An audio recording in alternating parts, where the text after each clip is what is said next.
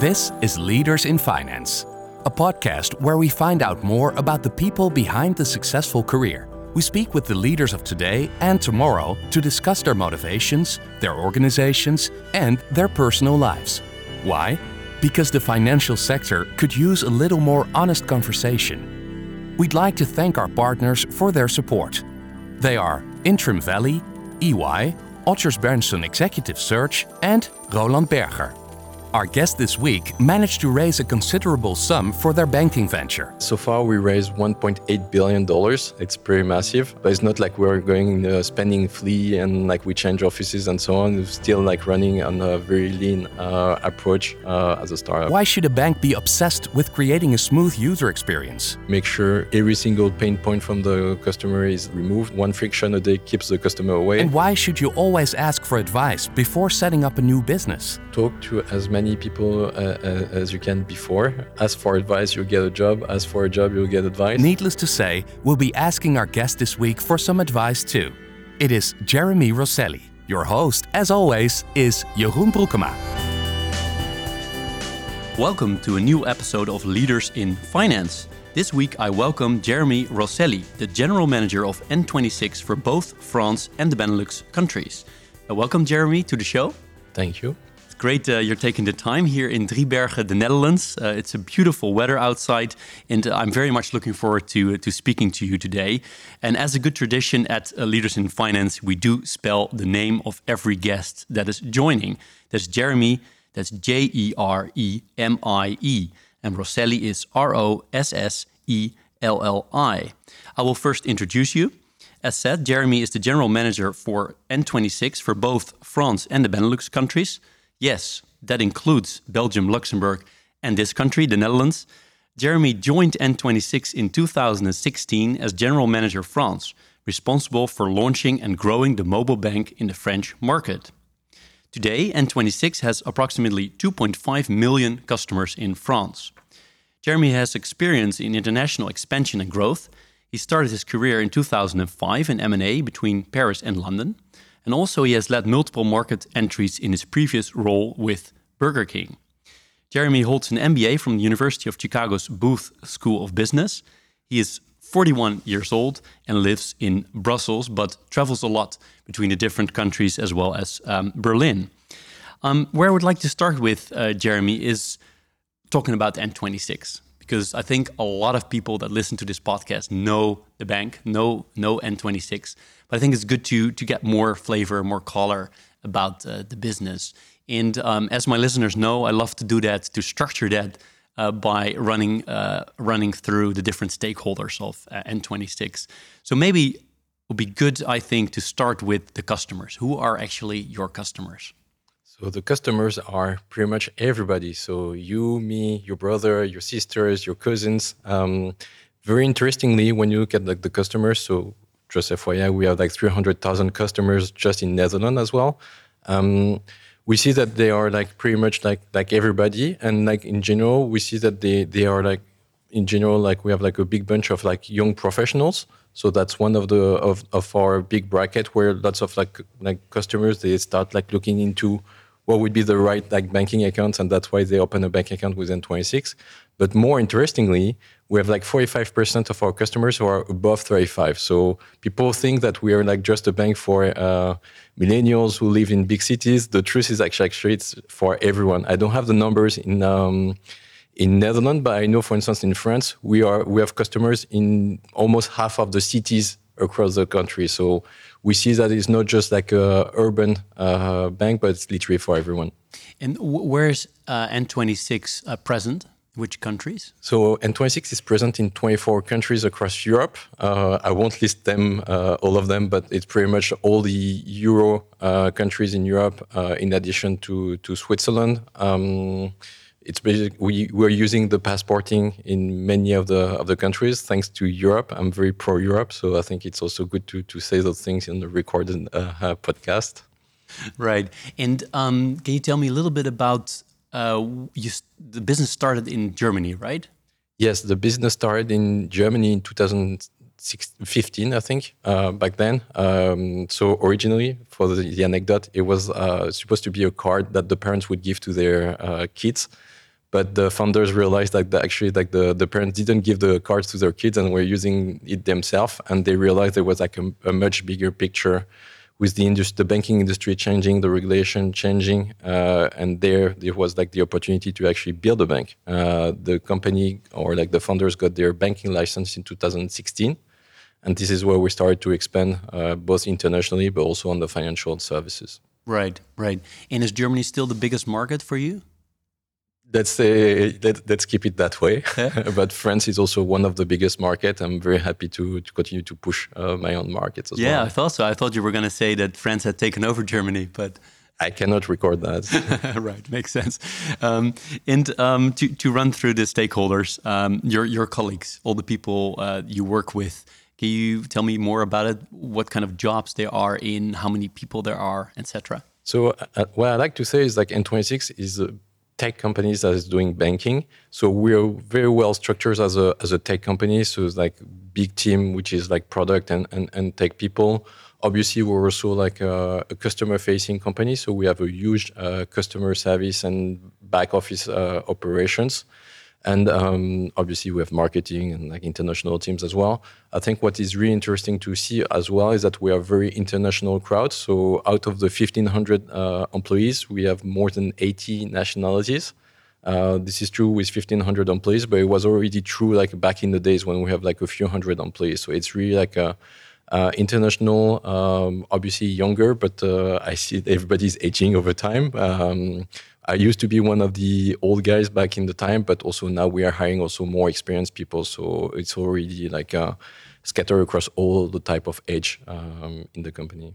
And here in the, the Benelux or specifically Netherlands, uh, how many people work on, on this market? Like just like less than, than 10 for, for the time being, but uh, it's also one of my priorities in the uh, incoming recruitments to to hire more and more a uh, Dutch speakers uh, to to build up on the on the on the on the Netherlands, but as well we are moving into like the new world where people are, are working more and more remotely. So we're gonna we're planning also to hire more and more people just like based out of Netherlands, uh, but that would have like global functions or just being based in Netherlands. Right, right.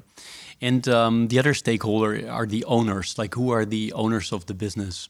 So the first owners obviously are the two founders, uh, Max and Valentin, who are two Austrian guys. Um, I think what is really interesting to understand is they're still young, uh, so they have no aim to sell the business, uh, and they, they really want to, to keep it growing. And the target is obviously at some point to to to go on to IPO.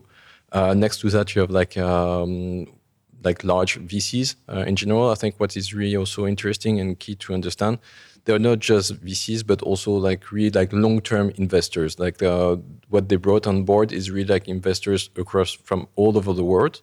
So we have like European VCs, American VCs, Asian VCs, with this long-term vision that we're going to build like like a like a massive bank, and they they continue to invest. I think also what you want to see is that every single round most or all the investors kept investing in every single round. So it's also like a big um, like really it shows like the trust that they have in uh, in N26, but in the business model more generally. So long-term investors, and you've raised an amazing amount of money, right? Yeah, so far we raised 1.8 billion dollars uh, with the last round, which was like 900 million dollars. So I think it's it's pretty massive. Uh, but still, like I think what is really interesting to see is that on a daily basis, it doesn't change that much. We're just continue to scale but it's not like we're going uh, spending flea and like we change offices and so on. We're still like running on a very lean uh, approach uh, as a startup. But it's it's an almost you know an, an, amount almost hard to to do you know to imagine. But where do you need all that money for? So first, I, I want to precise like people think like we got the money personally. it's, it's for well, the I mean the business, right? it's for the business. Um, what you need that I think um, one of the key area is obviously we continue to invest in building new products. So it means hiring people. I think this is really like where, where we spend like quite some resources. Also, it's scaling the business, so building the right platforms, having the right tools, having the right uh, back office services. Uh, and obviously, uh, the last point is investing into recruiting uh, new customers. But we are like pretty lean also on that one. I think when you look at like the, the, the big picture, more than two thirds of our customers are coming through word of mouth. So at the beginning, I was the, the first one trying to sell to my friend, hey, it's super cool. And then very quickly, when I have a dinner uh, with friends, they were the ones saying to all the people around. So the word of a mouth like is working pretty well. But I think it's also due to the quality of the product. Yeah, so so it's investing, and I guess it's uh, you're not profitable yet, so it's also the money also used for that, I guess. And is there a big part also for marketing? So yes and no. Uh, what is worth in really understanding is that in many of the markets we're already profitable. Uh, so really, we can see that like very quickly in most of the markets we can be profitable. So all the like most of the money is really going into investing into new products or recruiting. Uh, a bit in marketing as well, but even there, like the return on investment is very quick. So it's less than one year in most of the markets as well. So this is um, why we see that most of the invested money is really like for the uh, for the new markets, new new products, and so on. Right. So I try to stick with my stakeholder plan before I forget. Um, the regulator is also an interesting stakeholder. You've been in the news a lot, and uh, I'm, I'm just curious how do you relate to the regulator now and in the past? And maybe you can tell me more. Uh, obviously, it's an important stakeholder. It's not just one. I think what is, what is really important to understand, but I think all the people that that uh, listen to us understand it's not just one person on their side and our side. It's lots of team from our side, lots of team from their side, which is very like we work like hands in hands uh, in Germany, but also what is really also interesting is not in, just in Germany. It's also in Italy, in Spain, in France. I spend lots of time with like the different teams from, from the regulators as well. I think like the overall approach is really constructive, and we have like the we share the same mission. I think what is worth understanding, we are here to protect the customers. Uh, it works for for the it's the mission of the regulator, but it's also our mission. I know that also from my previous experience from Burger King. Regulation is really important because in the food you can kill people. Here it's about like customer money, so really respecting the regulation and work hand in hand in like also try to to get the regulation to evolve in um, in a way that, that that that works for every stakeholder is also like something we're working very hard on our end. Right, and um, but but it, just to to one more question on the on the regulation side, is that um, something that has worried the business a lot because a lot of banks is not only N26, but a lot of banks are obviously in you know in struggle or I don't know if that's the right word with regulators, uh, you know about anti money laundering and stuff. But is this something that was tough for the business? So I understand like there's a very uh, Dutch uh, context uh, in, in, those stories. Uh, no, in general, I think we we know it's really important to to invest and to be for us like at the forefront, even of the fraud and the uh, AML. I think like um, because like if you want to be a bank, I think it's one of the key area that you you need also to to develop and really for us is not just to do what needs to be done today. It's really about like building the right platform for the future. So really investing in the right tools, the right resources, and so on, so that we can we can scale and do two, three, four times more customers uh, onboarding like every day, uh, having like the right platform to cater with that. Right. Last um, stakeholder I would like to bring up is is a, is a very broad one, which is society as a whole. The, you mentioned the founders earlier in this conversation. Um, what is the kind of the, the broader vision of N26? What does it want to, as a you know, kind of a mission? What does it want to achieve?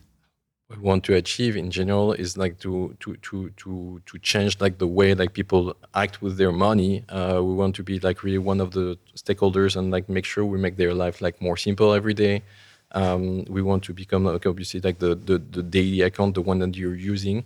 Um, like the big picture in general is that we're trying to reach like 100 million customers.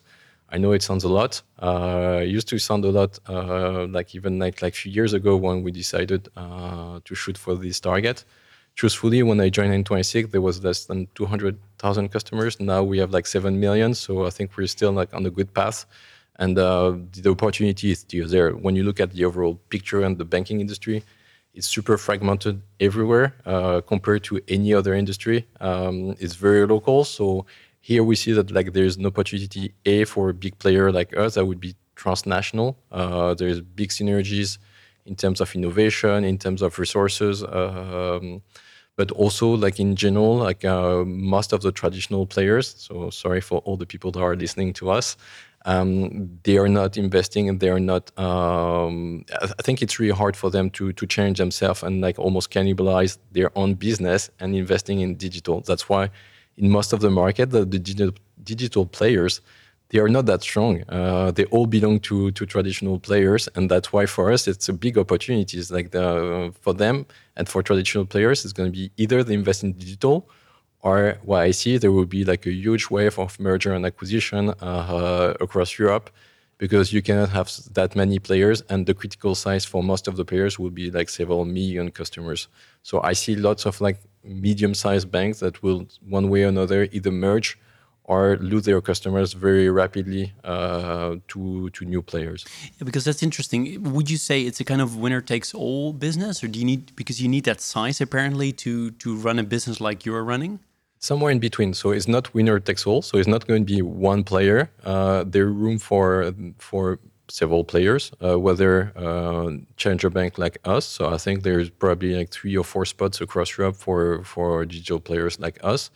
And at the same time you're gonna have like room for probably like a few traditional players but still at some point you need to reach like this critical size. So see is going to be probably i don't know depending on the size of the country probably in netherlands probably three big players which are already there.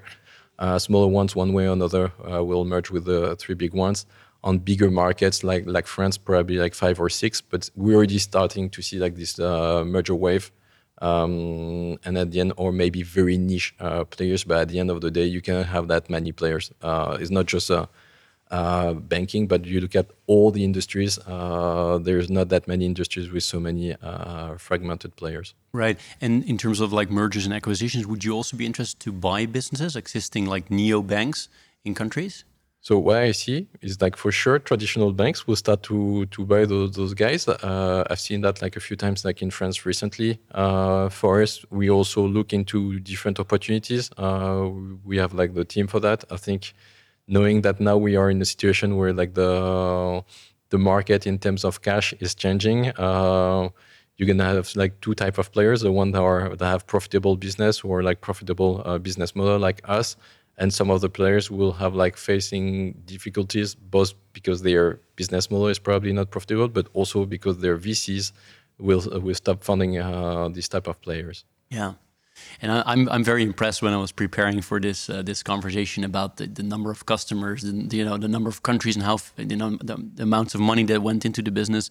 And I spoke a long time ago with Noor van Bove, who was then the chief people officer at N26, and she was speaking a lot about this topic, hyper growth.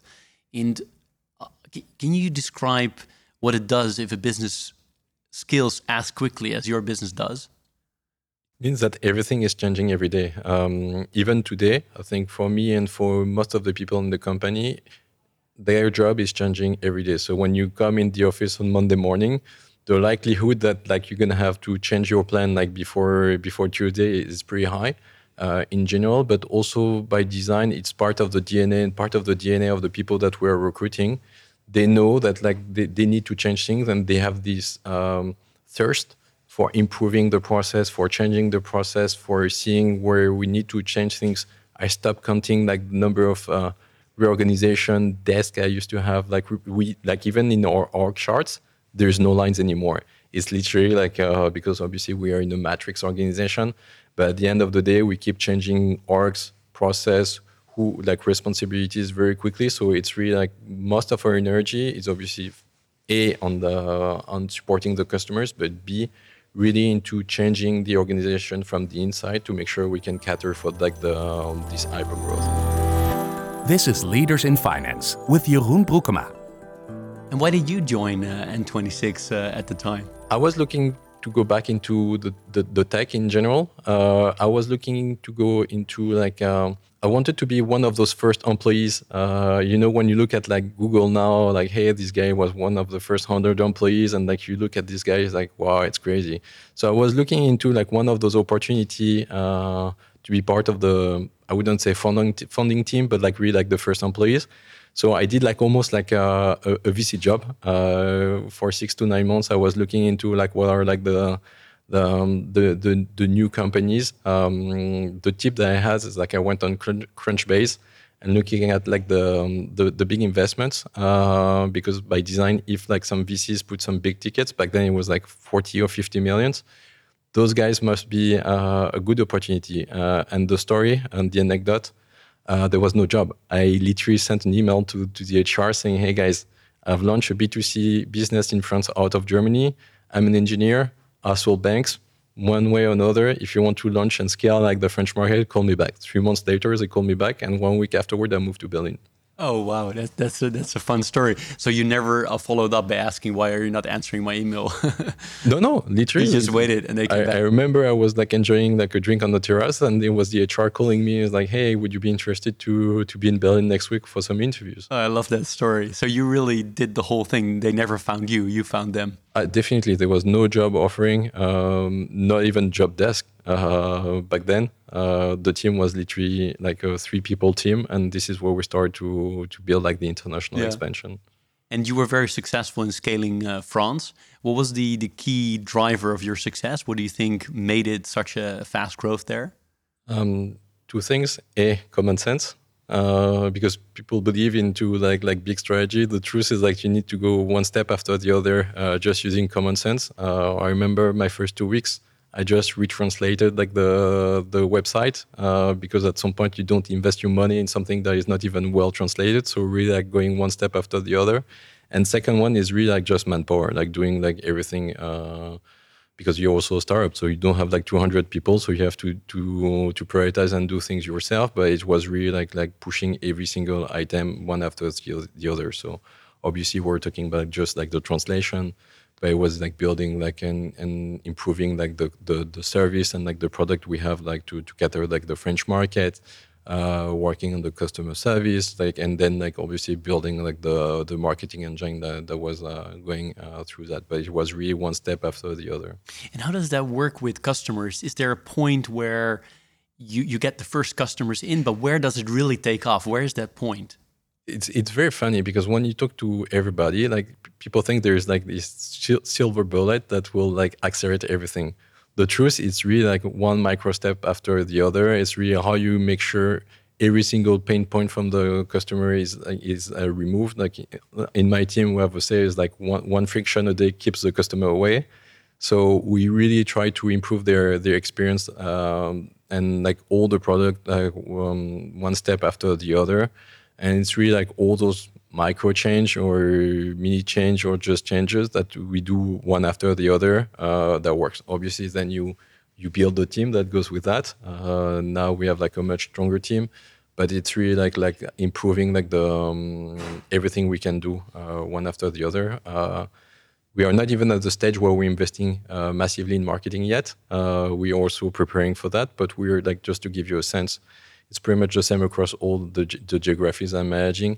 There is like probably like two thirds of the countries, so people that don't know, never heard about N26. So the opportunity is still there right now for me. It's just about people to know about N26. Right. I, I, I must admit, I do have an account with N26, so so I have accounts with many banks. I must say that as well, as well as with your competitors. Um, but uh, yeah, I, I remember that I get these these messages in my app that to ask me to introduce uh, N26 to another, uh, to a friend, and I did, and then I think you get like 15 or 25 euros if you do. Yeah, we have a bit of uh, friend referral, but also it's so when you look at the friend referral, um, we give a bit of money, but it was not really for people to to. Um, is is not the big driver for people to sign up. It was just like a, a nice way to to to thank like the people. But like when you look at like our competitors, uh, the money that they're offering is like probably ten times more. So it, it's really more anecdotal. It's just to to to Yeah, thank I like the idea. Apart from the money, I like the idea. If someone wants to refer you, it tells a lot about his own experience as a customer, right? Yes, and this is a tracker uh, that we're looking into. Uh, also, because we know that by design, um, most of the people that are being referred are like top customers uh, because they have the right introduction. They know why they are joining, and we we see that by design they are like really like top customers. Yeah. Before N26, you worked for Burger King. I think a completely different industry, but maybe there's also, you also mentioned already that you had to do with regulation as well. So there, there's probably also uh, some similarity, but very different. How was your time there? So surprisingly, I think it's super, super, super similar uh, to the banking industry. Heavily regulated. It's heavily regulated um, back then. Um, so Burger King, for those who don't know, it's also almost like hypergrowth. Uh, it doesn't look like from from the outside, but it was like uh, bought by like 3G, so big uh, PE, firm um, that is really known for uh, building uh, those hypergrowth and uh, companies and like really streamlining the operations. So that's why I joined uh, those guys back then. Um, so it's very similar in many ways. Uh, first, it's regulated. So I was mentioning, uh, and you're happy that it's regulated. So you, when you go to a restaurant, you know that you won't be sick. Um, it's very critical in in general it's B2C business. I think this is where, where I really learned like about B2C. I think what you see in uh, in the restaurant industry, people are not going back to a restaurant if they have a bad experience, and this is really like um, something that is representative of like this this uh, age or this period. Uh, and even now in banking, if you have a bad experience somewhere, you move to another shop. Uh, now it's possible with like PSD2 in banking as well. Um, so you need to make sure you cater to, to the customer. I think one of the big learning I got from there, uh, it was mandatory to spend one or two weeks every year in the kitchen or in the restaurant. So really like down to the to the ground, like meeting the the customers. Uh, like the one of the takeaway I got from there, and I try to cascade to my to my team as well. I try to put them also in the customer service, like on a regular basis, uh, because this is really like the the source and like the, the right approach to understand what's going on uh, with the business. So it, like super uh, critical. And the last thing for me was really like the um, how you approach the business and the operations. Uh, it was really data driven. Really, uh, you take like the top five uh, pain pain points and then you, you solve them one after the other in a very data driven way. Um, so very for me it was like a more than a learning experience. It was like uh, a change in my in my career. Right. And before Burger King, can you take us there as well? So before Burger King, I was uh, an investment banker. So probably like lots of people who are listening to us today, um, I started my career in M&A. Uh, first at HSBC in uh, in Paris, then in London. Uh, it was 2006, 2006, 2007. I still had some hair back Interesting then. Interesting times. About th- that's what I was about to say. Uh, like f- funny way, like like back then, I remember uh, we all knew that like some crisis were was coming in, and that's why I decided to go back to Paris. Uh, and then people act surprises when there was like a crisis in 2008. It was like there was no surprise. All the industry knew it was coming. Same as of today, like people know like the uh, economy is like overheating. We've been like splashing money across all the all the markets, uh, all the countries. So very similar as what the, the experience that you, you, you see today. Uh, so I went back to Paris. I did some some M and A, but it was more targeted uh, to, toward uh, uh, private equity deals, so LBOs. Uh, so also very interesting to, to, to to see it from the out from the inside because at the end of the day, all the L- LBOs is also like not hyper growth, but almost hyper growth, like how you optimize like your business, how you understand like the business from the inside. So also very interesting, lots of learning, working with like uh, direct managers uh, who understand their their business well. Um, so yeah, amazing time. It's interesting. So all the jobs you do so far, they have at least they have you know a couple of things in common, but one thing for sure, it's growth, right? Yes, definitely. I think that's why I discovered in LBO. Um, you're here and even personally i'm not here to do plus 2% uh, i'm not this type of guy who's doing 9 to 5 so what's the driver for you personally? What, what, what do you like so much about growth? It's really about like having a project and seeing things happening. Um, i'm really amazed um, for instance at, at n26 to, to build something and when you meet people in the street or in a cafe they pay with your n26 card. So you you see it like physically like something is happening. I think it's it's really interesting to to change um, the world. Maybe not the world but at least like really like to, to, to see the impact of what you're doing is um, is pretty critical. So i'm really like more of a project guy uh, coming to for for big projects. Um, and and and this is like the more the more it goes the more it, it's pretty clear to me. Uh, they'll just choose like projects. Is it um, your your engineering training as a as a background that you like to build things? Is is that is that also what I hear? Yes, but more optimized. So I think there's two kind of like engineers. Uh, there's like guys who are capable to go from zero to one. Uh, I wish I were one of those. Uh, truthfully, I'm not. Uh, but I'm the guy who is capable to go from one to one million. Uh, I did it already twice, so I think now it's really like my job and really what I enjoy and uh, and what I know, uh, what I know. So oh, that's interesting. So you would not be the guy probably that starts a new fintech business then, or maybe with others. Maybe with others. Uh, for sure, I wouldn't be able to, to do it myself. Uh, still, uh, very interestingly, uh, like launching multiple markets, End up doing or going through all the steps that I would have to go through uh, if I were alone, like like looking for offices, like like like doing like the um, employment contracts and so on. So recruiting people myself. So at the end of the day, I still did like I went through all the paths that I would have had to go through. Right, right. And uh, I already mentioned your engineering and your your MBA background. Um, why did you choose to do an MBA? So I was in, in, in so when I was an investment banker, um, you know, there's like this golden handcuff where you're in industry and you know at the end of the day, uh, when you're reaching 30 ish. Either you go this path or, or you make a turn. Um, I think for me, it was really, I knew I wanted to do to become like more an industry leader than just like doing some M&A because you know you're on the other side so you're helping like the the leaders but you're not the one like like making the decision so you really want to be at the end of the day the guy taking the decision um, so that's why i decided to go for an mba and also the, the, the interesting choice was going in the us um, because it was like critical for me to have an international career. Um, so really here, uh, and when I look at like all my former uh, colleagues from like, investment banking, now they were like, "Oh, you did right. It's much more cool," and, and so on uh, than if you stayed with us. So almost jealous. Ah, I see. Because the, you went to one of the most prestigious uh, business schools there are in the in the world, right? Uh, th these are my words, but I, I you, you, know, I hope you don't disagree. And um, did did you have a lot of choice? Did you apply for others as well? I mean, you said you wanted to go international, so uh, Fontainebleau was probably not the place to go. Um, uh, but yeah. Yeah, I was definitely admitted in Fontainebleau, um, but it was like too close uh, for me. And but at the end of the day, that was really the choice. Uh, there was like few other choice in the top U.S. Uh, universities.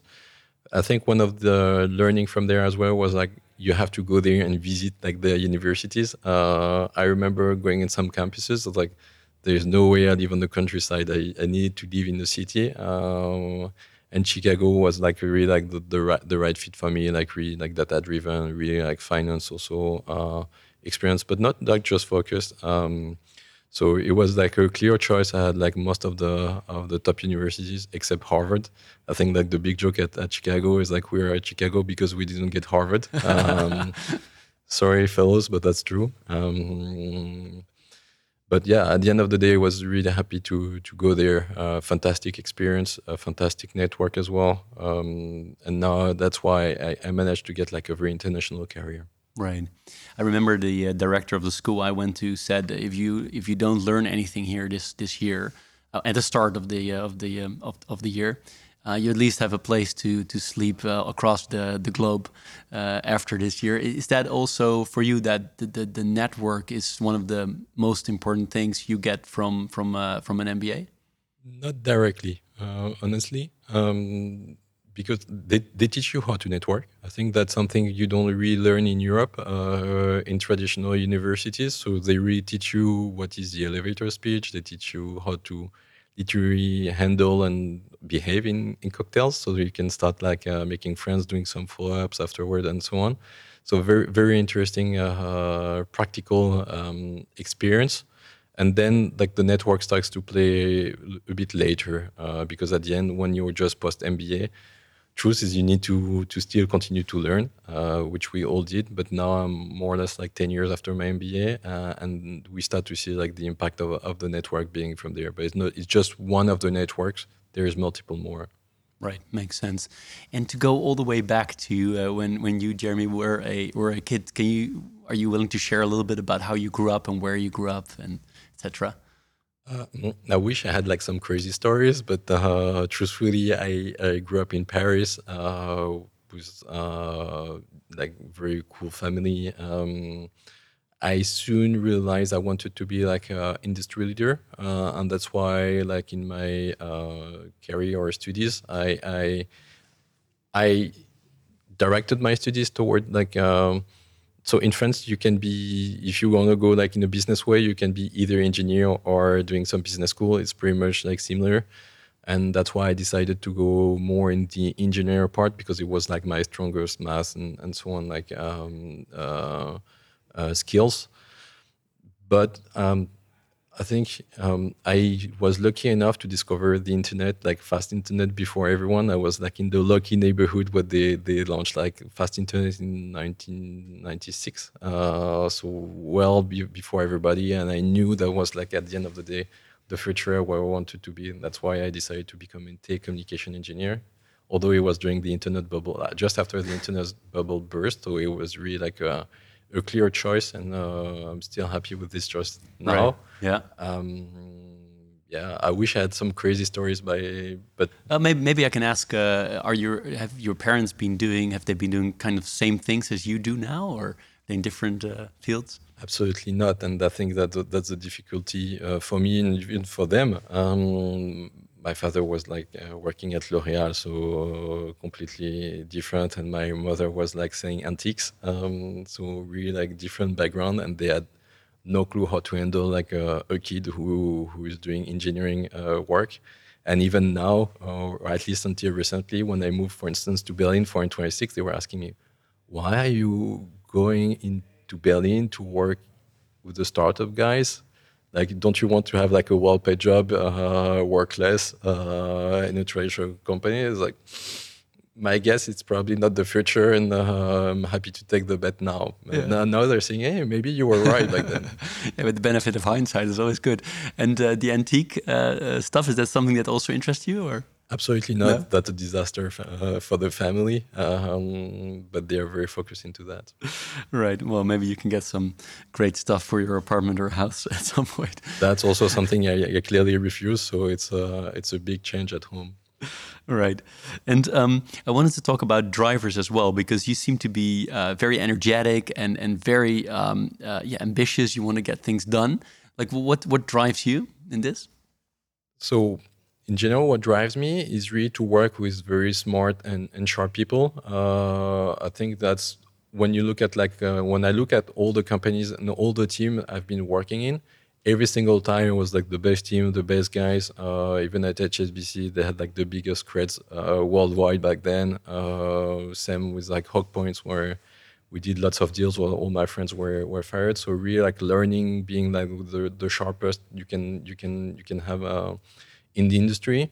Uh, second one, yes, is having an impact. You want you want to do something that uh, that works and that, that, that that works at scale. I think that's also something that that, that is like uh, very very critical from from from my side and um, and have fun. I think. Um, I will never stop. I will never get like a boring uh, job or something where I won't be able to to have fun uh, and and be in a situation to have fun. I think, for instance, at N26, being the GM, I can also, for instance, choose where where is the office. So we are like located downtown. We are not like in in some like half an hour uh, train from in the suburb. Uh, we it's part of the DNA also to to we have fun. Uh, we have massive company parties, but also we're now scaling at a stage where even like local teams can have like uh, like like good time. Um, so really like having like you need to you need to be happy to wake up in the morning to go to work and that's also one of the thing i the question i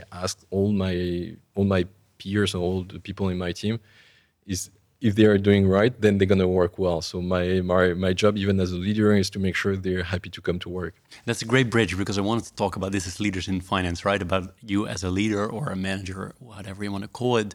Um, what kind do you remember when you were first managing leading a team and what were the things you really had to learn if you now um, you reflect on it? So um, obviously uh, you learn and there's lots of insight uh, that you see. Um, luckily uh, one of the big thing is that most of or like the, the biggest team i had to manage like grew with me uh, at n26 so when i joined a i was alone. So luckily i was legitimate to go through every single job uh, and every time I was hiring someone, I knew what they would be doing. So it was like very uh, junior people. So that that that works uh, at the beginning. I think then the the big uh, jump was like a few years ago when I started to recruit more senior people, but like even like more seniors than me. So I'm I'm now where I went through the path where it was really like uh, hiring people who were like leaders in their own uh, function who now my job is to help them uh, and they tell me almost what to do right? Um, in the sense that I, I, have to follow like most of the recommendations. So it's really like before I was like doing some daily management and now it's more really like, like showing the, the path the direction and making sure uh, they have the right resources and the, the right tools uh, to move forward. So like it, it's really like like the, the job change uh, every day. Um, even if the title is not uh, i know like my role today has nothing to do with the one that i have like five years ago. You're listening to leaders in finance with jeroen broekema. Were there things uh, again with hindsight you you think like oh my god i should have done that completely different as as a, as a manager? No honestly no. Um, maybe the one thing uh, is probably like um, being less risk adverse into the recruitment. Uh, you know, like I think all the people that were listening to us, like recruitment, it's a bit of like a risk. Like you never know whether it's going to work or not. Um, obviously, I was very risk adverse for the first few employees because at the end of the day, it's very tricky. Uh, but with hindsight, I would have been probably like quicker uh, and probably have taken more risk into the recruitment. And if it doesn't work, it doesn't work. But uh, at the end of the day, like maybe you, you save more time for you and uh, it's more scalable um, with, with hindsight. Right, right. Makes sense. And um, we always have a, a, pleaser and a teaser at Leaders in Finance. And uh, the pleaser is always the same, which, which is do you have a particular book or books or authors um, you like, um, you know, the, the books you like to give to people or, you know, books that inspire you or that you've learned a lot from? And maybe I should first ask do you like to read? Yes and no. Uh, that's something I discovered after. Like I didn't like to to read. Now I try to really enjoy uh, reading. I think it was really about uh, learning what I like to read. Um, that that was like something that I rediscovered before and throughout like the MBA because you have to, or like I'm really into like more. Uh, um, I would say business and um, and concept books. Um, I think that's going to be like part of the of the teasers or teasers, one of them. No, I mean, yeah, the, yeah. the teaser would be. Do you have a particular book? Yes, yeah. and and so here I think I love to share those two books. Uh, the first one is like the Zero Marginal Cost Society. I think it's uh, it's worth for everyone to understand and how the industries will will move with technology. Uh, everybody who who read it, uh, who I shared it and offered it, like they told me like there's a before and an after. So wow, did you give it to many people? Yeah, yeah. I keep like I keep ordering more and more. So that the first one, and second one is the easiest one, but there's many, many, many around that. Is like a nudge from Richard Thaler, uh, which happened also to be my my teacher at uh, at Chicago Booth, and happened to have like a Nobel Prize afterward. Um, but it was really like um, it's really how you make you can change like people's life in an easy way. Uh, I think one of the one one of his concept like that goes directly into finance how you can like uh, enable people to to save uh, money for their retirement. Uh, and his his concept is really into opt out. So you choose for them like that they save automatically every month and if they want to change then they have to to decide because if you ask them how much they want to to to put uh, to save some money aside it's never to work. So like he he really understand and also like his mentors uh, daniel kahneman and uh, I, don't, I, don't, remember the other guy. Um, they really find some uh, some way to to change people's life and uh, and they understand that homo economicus, so like the uh, the theoretical guy doesn't doesn't work any doesn't work perfectly. And um, but I really encourage everyone to. That's really those. behavioral economics, yeah, right? Full, uh, it's the yeah. concept of behavioral economics. But is that also a concept that nudging you use it at N20, N26? We use that all the time, uh, not for the sake of using it. Uh, it's just like we are trying to to make life easier for our customers. Um, we don't do it like. Um, just for the sake of like like nudging people, but like we're just trying to to improve like the their experience overall. Right. We always have a, a teaser as well, and I had written down the following very simple one, but I'm curious to learn what you think about, which is uh, banks are very scared of the fast growth of N26. True. That, that's true. easy one. so I, I I saw the attitude that changed like over time. I remember when I when I started, like they were we were like it was an anecdote like who was those new guys? Okay, let's meet them. They are nice. then they were started to look into us into like, oh, maybe let's try to uh, buy and kill them, uh, which you see uh, a lot in the in the banking industry. So at some point, I start to to see like their interest into like trying to invest. Yes, they were coming. Hey, can we invest at the same valuation as last round? Like, no, sorry. And now they start to realize that we, we are we are really competing with us. Uh, so they but they became followers. I think like they, they start to to copycat like some of the features, some of the USP, but still like uh, they never they still uh, most of them uh, they never really took the, the initiative to to build their own platform and to to to try to innovate. I think like uh, the the first few guys who will be able to do that will have like a, a big market share in the future. So, are they able to compete? Or some able to compete? because a lot of bankers are listening to this podcast. That's why it's extra interesting. They, they could be in position to compete, but you need to you need two things. You need a uh, the willingness uh, to invest, and also sorry for the people who are listening to us. I understand if you are 55, uh, maybe you have limited uh, in personal interest into like uh, building like multi-year plan uh, with massive investment. So I understand also their their personal position, but like for company wide, you would really need to to invest in those massive plan, digitalization plan. Uh, and the second thing, you really need to get the whole, and I think that the difficult one as well, to get the whole company, the whole bank to to be willing to change. I think. For us, it's natural. Like uh, we only hire people who wants to change, but I also understand in more traditional companies or bank, uh, make sure making sure like you also embed and you you take with you all the people into this like uh, change journey is also like the toughest one right and i remember i worked for for one of the uh, one of the banks and later i worked for a fintech business and I saw at the bank the, the issue with all the legacy systems. But at some point, when the fintech was growing, I also saw some legacy there. Is that also you already need to, you're already dealing with, given you're only seven years old approximately?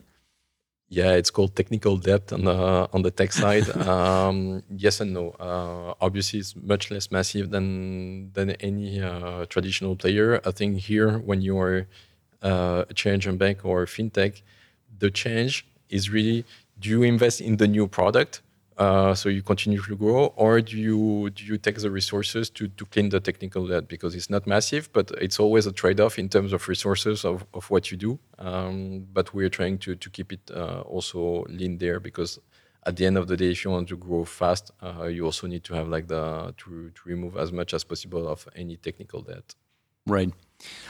What's the biggest challenge for you to become the largest bank in Europe? It's really like um, I think for us, we are just trying to go as fast as possible. Uh, so we, it's, it's, really not even like a external factor. It's, it's, really about us and how much we can we can structure ourselves and we can cater with like the exponential uh, difficulty that we are facing. But it's really just about us, like how much we and we spend lots of time and lots of resources, like restructuring our team all the time. But I don't think it's a matter of like change by per se is, is just like how fast uh, we can go. And it's really interesting also to be uh, facing the outside because like from the inside we always feel like we are not growing uh, fast enough. But i believe from the outside like people still look at us like like very highly in terms of growth. So um, so so in terms of competi- competitors what are the biggest competitors then? Honestly there's room for two or, or, or three big ones. Um, you know the english ones. Right. Um, there's my my question is rather would there be like a, who would be like the third and the fourth one? Right. uh, because like clearly like there's like uh, EasyJet and Ryanair uh, right. yeah so so you basically look at all the banks. You look at your internal you know get everything right internally because that's obviously always a big challenge if you if you scale quickly. And then there's the, the Revoluts and kind of that kind of uh, businesses. These are the three major challenges then I would say. Major major competitors quote unquote. Yes but honestly um, we really don't look into like competitors because we know right now, as I was mentioning, like two thirds of the people never heard about N26. So we know it's really not about like like gaining market share any against any direct competitor. It's just about us like making sure people understand our product, knows our product, and getting the best customer experience. I've asked um, about 107 people that have been at this podcast the same question always um, nearing nearing the end which is uh, do you have particular tips for people that start their career today and, and preferably in financial services? First, try to talk to as many people uh, uh as you can before. Um, there is always a say, uh, ask for advice, you'll get a job. Ask for a job, you'll get advice. So by design, try to get some advice. I think it's uh, it's one thing. The second one uh, that I've learned as well is uh, don't try to be a, a, sheep, like um, like follow the, the, the crowd. I think uh, the industry and the industries are are changing a lot. So really, I think it's worth making their uh, their homework. But still, what I see and with the new generation as well. Um, you still have to learn. Uh, people tend to forget that they, they need to learn like some of the basics. Uh, I know it's not fun to, to work long hours uh, investment banking, but I've learned so much I'm using it like so much every day that uh, also take a, take some time to to learn is also very useful. So whether investment banking or consulting or these kind of things are always useful in, for the future. Great. How do you uh, balance your your personal life and your work life? Because I'm I'm pretty certain that you you do put in a lot of hours to make uh, N26 a success. Um, how do you balance that with, with your personal life? So for sure, until now, I was not an example of like work-life balance, um, especially with N26, even like Burger King. Uh, it's it's built around like like international people. So it was like I remember like the first years at N26, it was like like work hard, play hard, uh, and it was really like this huge community, uh, almost living together. Um, now the good thing is like my girlfriend is taking care of my life balance for me, so I don't have the choice any, anyway. Um, so I think it, it's good also to accept uh, that you you cannot work like like seven days a week. Uh, I think like finding your own way to have like it, it can be you or it can be an external factor so that you, you, you don't put 100 hours a week is also it's a, it's a good thing. What are the things you like to do in that personal life? Honestly uh, sleeping resting uh, meeting my friends um, yeah I, I, wish i had like something fancy uh, truthfully uh, i try to recover from the rest of the week and just have fun how do you keep um, fit physically and mentally what do you do so keep, keeping fit, I think like the big changer uh, recently was like the uh, the personal coach uh, because like because of the COVID, obviously it was very tricky to go to the gym. Uh, but for the fun fact, uh, my, my my my my personal coach used to be like a South African that moved to South Africa. So now we're doing it remotely and works pretty well. Uh, that's also something that I can encourage everyone. You can even doing that from home, so you're saving lots of time. It's very flexible but it's a coach for for sport for sport, right? Yeah, only or yeah, yeah, only. Or do you uh, also have coaches for work? No, no, it's only it's only for for sport. Uh, but most of them, by design, they they, they I wouldn't say they are uh, psychologists, but they, they know uh, if you had like a rough week, uh, for them it's going to be hard uh, to push them to sweat as well. So somewhere they, they also push you to have like a healthy uh, life balance and diet and so on. Jeremie, thanks so much for your for your time. I really enjoyed it. Uh, thanks to one of our partners. Um, I'm, I'm, you know, pointing at it right now, but you can't see it as a listener. But Bocca Coffee, it's a, it's a, a B Corp certified company for coffee. Um, uh, we'll give you a, a, small present for your for your time, and thank you so much. Thanks a lot.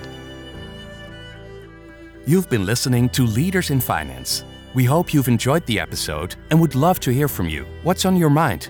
Who would you like to hear next? Tell us in an Apple or Google review, via email, or our social media channels. We'd greatly appreciate it. Finally, we'd like to thank our partners for their ongoing support.